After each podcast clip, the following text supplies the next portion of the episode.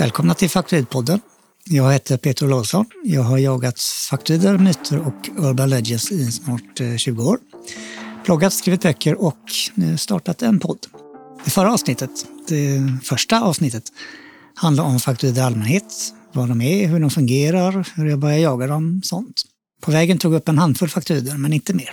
I det här avsnittet blir det tvärtom. Jag tar upp en rad blandade faktoider, myter och missuppfattningar. Eh, historiska faktoider faktiskt, från stenåldern till eh, vad blir det, antikens Rom. Jag tar upp dem och avfärdar dem snabbt och effektivt.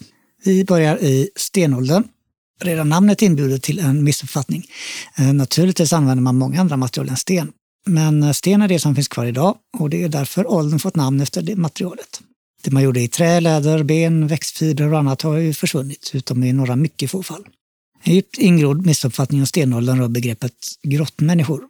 För de flesta på stenåldern levde inte i grottor. De levde i hyddor eller rent av hus. Eh, det är rätt få grottor som lämpar sig att bo i av flera anledningar.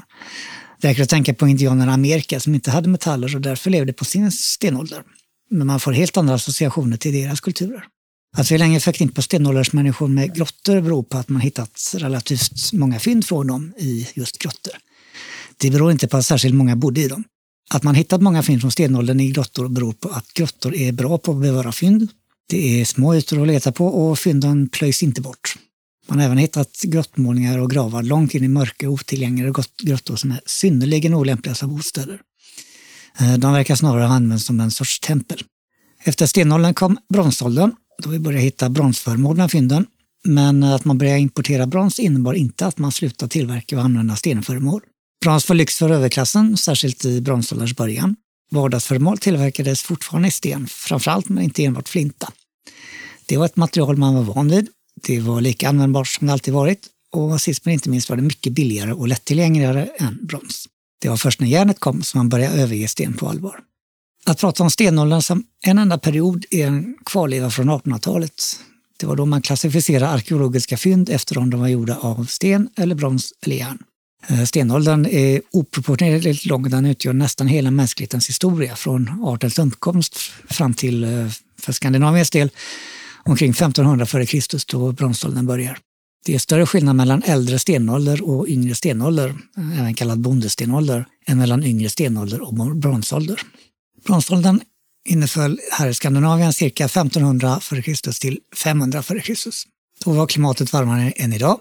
Som exempel på det brukar man nämna att vindruvor växte eller odlades i Skandinavien. Men då har man dels dragit stora växlar på klena belägg, dels blandat ihop perioder. Från eh, neolitikum, eller yngre stenålder eller bondestenålder, finns det enstaka belägg från Danmark och Sörmland för vindruvpollen, varken mer eller mindre.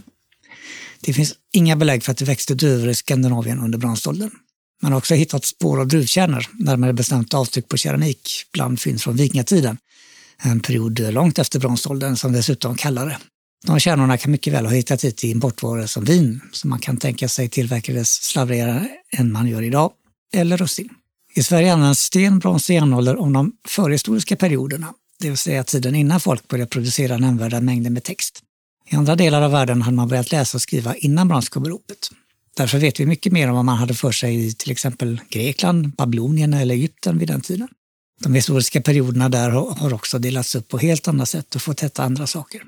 Detsamma gäller den period som i Skandinavien följer direkt efter järnåldern, som förresten inkluderar vikingatiden. Medeltiden definieras här som den katolska perioden. För Sveriges del från kristnandet på 1000-talet fram till reformationen på 1500-talet. I andra länder kan medeltiden börja 476, år som satts till det romerska rikets fall, eh, vilket också kan diskuteras, och avslutas med reformationen i början av 1500-talet. Den period som den svenska medeltiden avser kan kallas högmedeltid, på engelska High Middle Ages. Men termerna varierar mellan olika språk.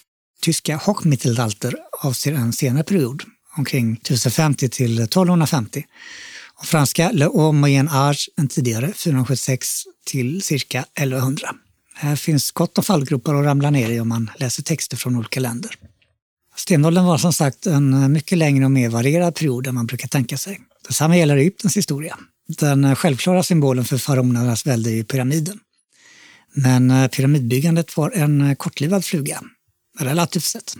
De mest kända pyramiderna, de tre stora i Giza, byggdes under loppet av 85 år. Det är ju en eh, försvinnande kort glimt i Egyptens långa historia. Denna korta men intensiva period av jättepyramider inträffar under den fjärde dynastin omkring 2500 f.Kr. i det så kallade Gamla riket. Under de femte och sjätte dynastierna byggdes allt mindre och allt sämre pyramider. Sen dröjde det till det mellersta riket flera hundra år senare innan man åter började bygga pyramider under en tid. Men de var inte bara mindre utan framförallt sämre byggda än de gamla. Därför återstår idag inte mycket av dem. Mycket mindre än de mycket äldre pyramiderna från det gamla riket. Hur många pyramider finns det i Egypten? Ja, i Giza står ju de tre riktigt välkända, av vilka de två största är de två största överhuvudtaget.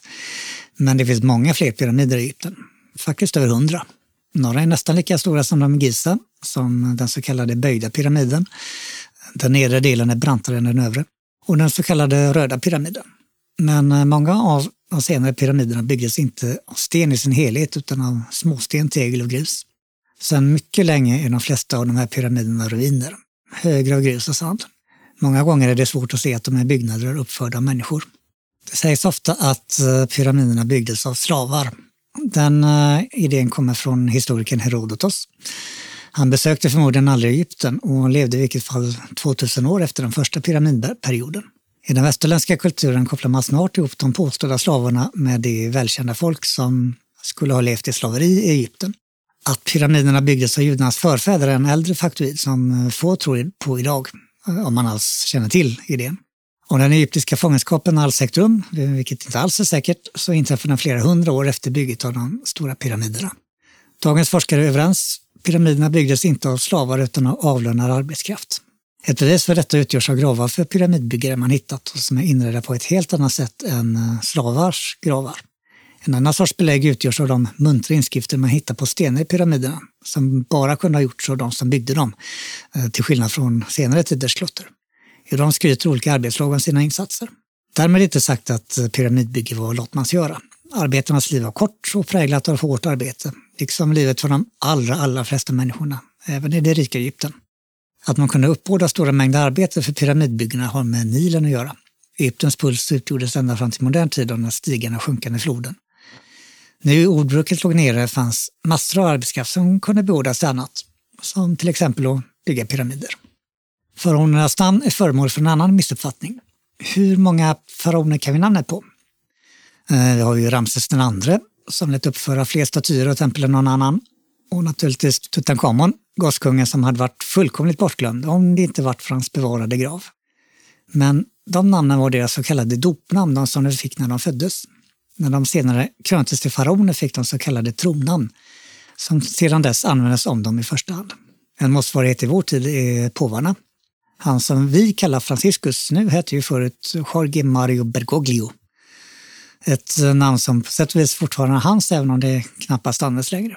På samma sätt var Ramses dopnamnet för den farao som vi kallar Ramses den andre. När han sen blev farao fick han tronnamnet Usermatra Setepenra med reservation från uttalet.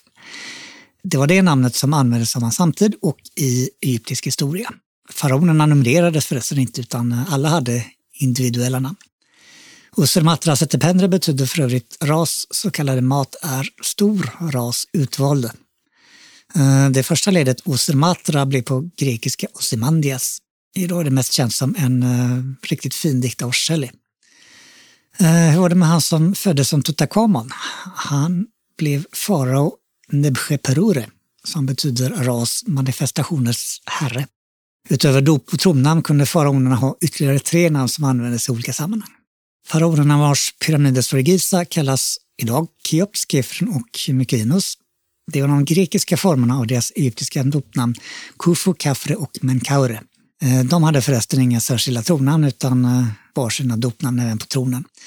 Däremot hade de andra namn som användes i olika sammanhang. Kufu kunde också kallas Knum Kufu, Medjed, Medjetardepti eller Bikuinebu. Med reservation som sagt för att eh, vår uppfattning om egyptiskt uttal varierar. Eh, man använder inte vokaler i sin skrift, så många vokaler i gamla egyptiska ord och namn är kvalificerade gissningar.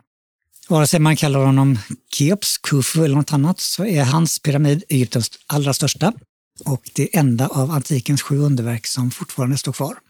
Vilka underverken var kvar finns det lite olika bud om. Eh, några som finns med i vissa listor men inte i andra är fyrtornet på Faros och Babylons murar. Eh, den stora pyramiden finns däremot med på alla.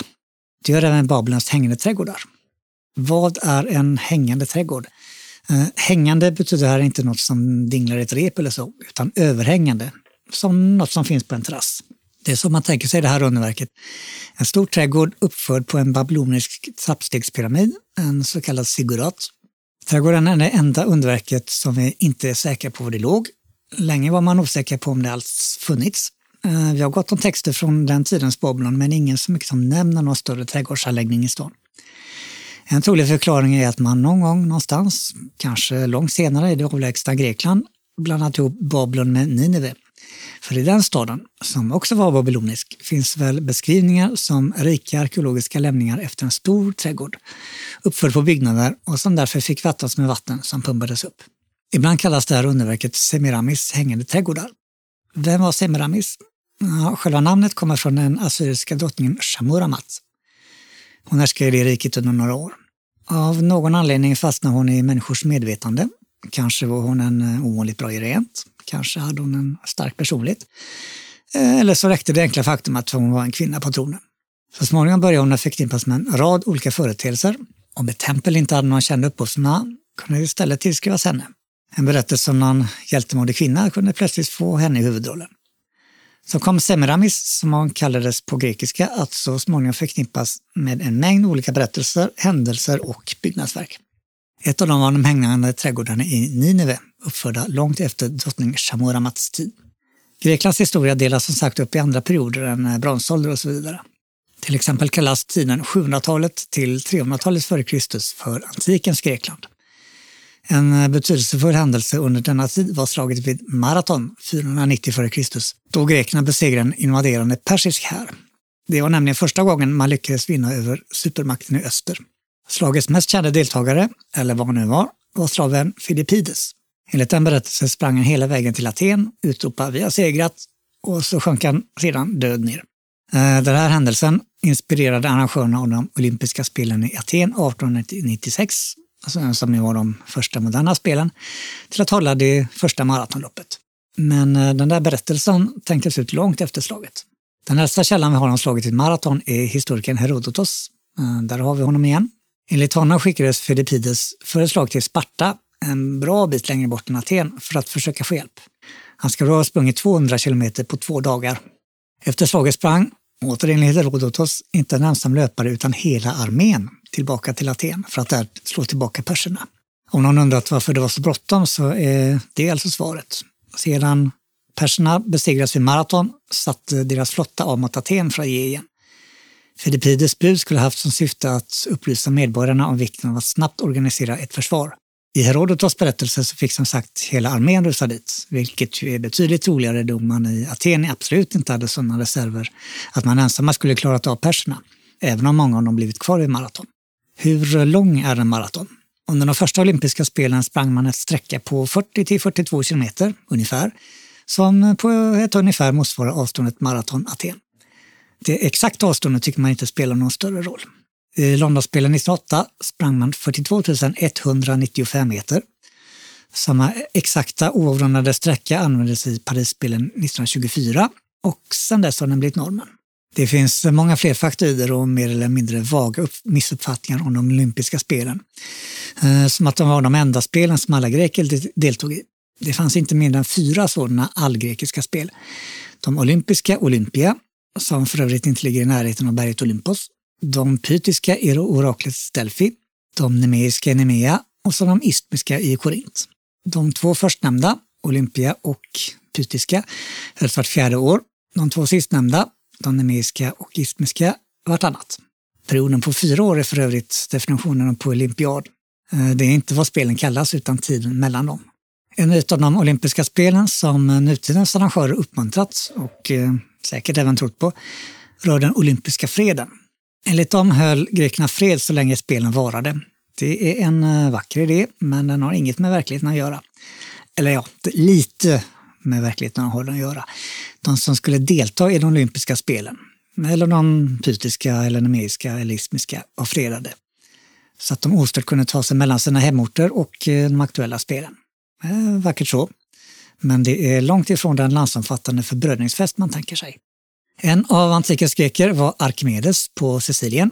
Han är välkänd idag som eh, matematiker, uppfinnare och tänkare i allmänhet.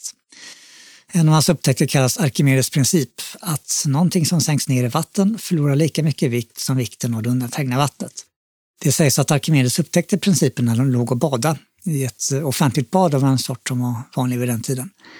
Han ska ha blivit så till sig att han rös upp och sprang hem direkt utropandes Hevrika, som betyder jag har funnit det, för att börja räkna, utan att ens ta tid att klä på sig. Men vare sig den berättelsen är sann eller inte så har den blandats ihop med en annan upptäckt Arkimedes gjorde. En guldsmed hade fått ett stycke guld för att tillverka en krona.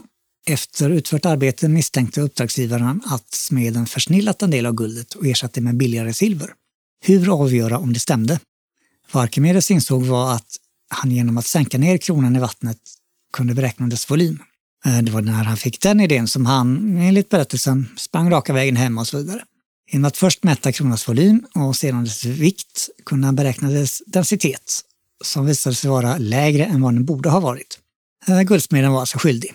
Man har funderat på om den här berättelsen kan vara sann. Till exempel är skillnaden i densitet mellan guld och silver så liten att den borde ha varit svår att mäta med Arkimedes enkla metod. Men i vilket fall så är det från den berättelsen bilden av en naken Arkimedes som springer från badhuset kommer. Arkimedes stod eh, cirka 212 f.Kr. när romarna angrep Syrakusa.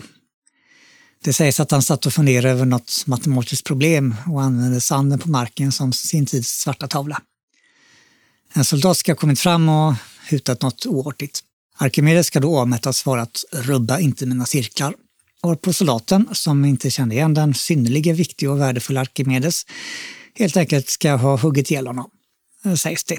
Men eh, likt många andra historier från den tiden finns den äldsta versionen beskriven först långt efter att den skulle ha hänt.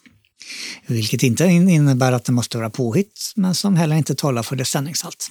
Erövringen av Sicilien var en av det romerska rikets otaliga segrar över grekiska städer och kolonier. Nu hade tiden kommit för en ny makt. Så småningom skulle den bli den mäktigaste världen sett. En av de viktigaste personerna för att åstadkomma detta hette Julius Caesar. Han föddes år 100 och en faktor rör hans födelse. Eh, det sägs att han föddes med kejsarsnitt och att det var därför som man kallade det just kejsarsnitt. Hur ska vi se? Ordet kejsare kommer verkligen från namnet Caesar eller kejsar som det uttalades när det begav sig på ett ungefär. Eh, från det namnet kommer även tyska kaiser, ryska tsar med flera. Släktnamnet Caesar är naturligtvis äldre än eh, Julius. Det kan ha kommit från en anfader som verkligen föddes med kejsarsnitt efter latinska caesus som betyder utskuren. Eh, det skulle alltså betyda att ordet kejsare härstammar från ett kejsarsnitt snarare än tvärtom. Att vi vet att Julius Caesar inte föddes med kejsarsnitt beror på att hans mor Aurelia Cotta dog långt efter hans födsel.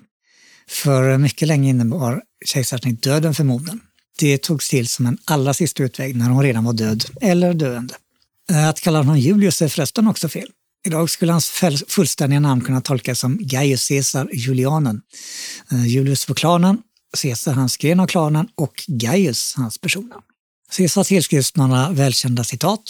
Ett av dem är hans allra sista ord när han bland sina mördare upptäckte Marcus Junius Brutus. Även du min Brutus. Det var då han insåg att nu är det kört. Citatet är känt genom Shakespeare som ju formulerade det på latin, ett ty brute. Men eh, samtida källor nämner inte att han sa någonting alls. Kanske han stönade till vid det allra första hugget, men inte mer. Flera generationer senare kom antika källor som nämner hans sista ord. Det skiljer sig på en punkt från den kända versionen, nämligen språket. Eh, Caesars sista ord ska ha varit grekiska, kesiteknon, även du mitt barn. Ehm, Brutus var ju inte Caesars barn på det sättet utan en yngre vän. Ehm, talar man grekiska då?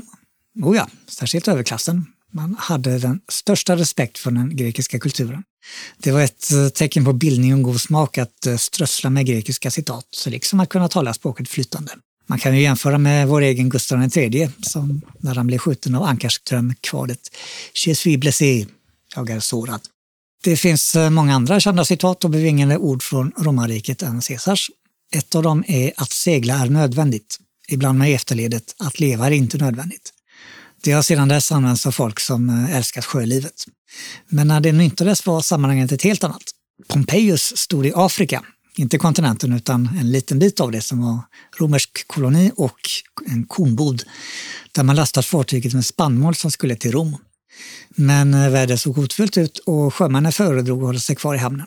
Det passar verkligen inte på Pompejus som visste hur mycket man behövde maten i Rom. Om den inte anlände var hans politiska karriär i fara, milt uttryckt. Då hotade han sjömännen till livet om de inte satte igång. Och här har vi det, att segla är nödvändigt, att leva är inte nödvändigt. Liksom i fallet med många andra episoder av den här sorten så är det en helt annan fråga om den verkligen inträffat. Eh, vår enda källa till den är Plutarchos som eh, levde över hundra år senare.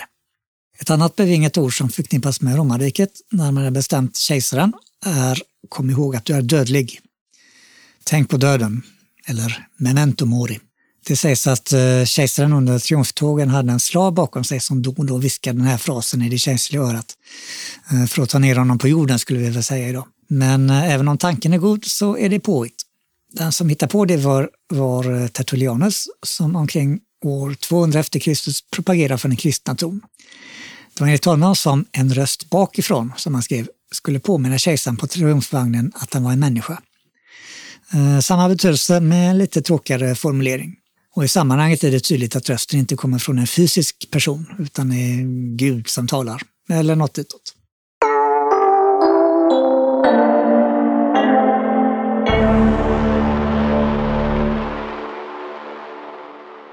Det här var det andra avsnittet av Faktoidpodden. Jag som pratat heter som sagt Peter Olausson. Det producerades av Kvarnberg Productions. Vi hörs!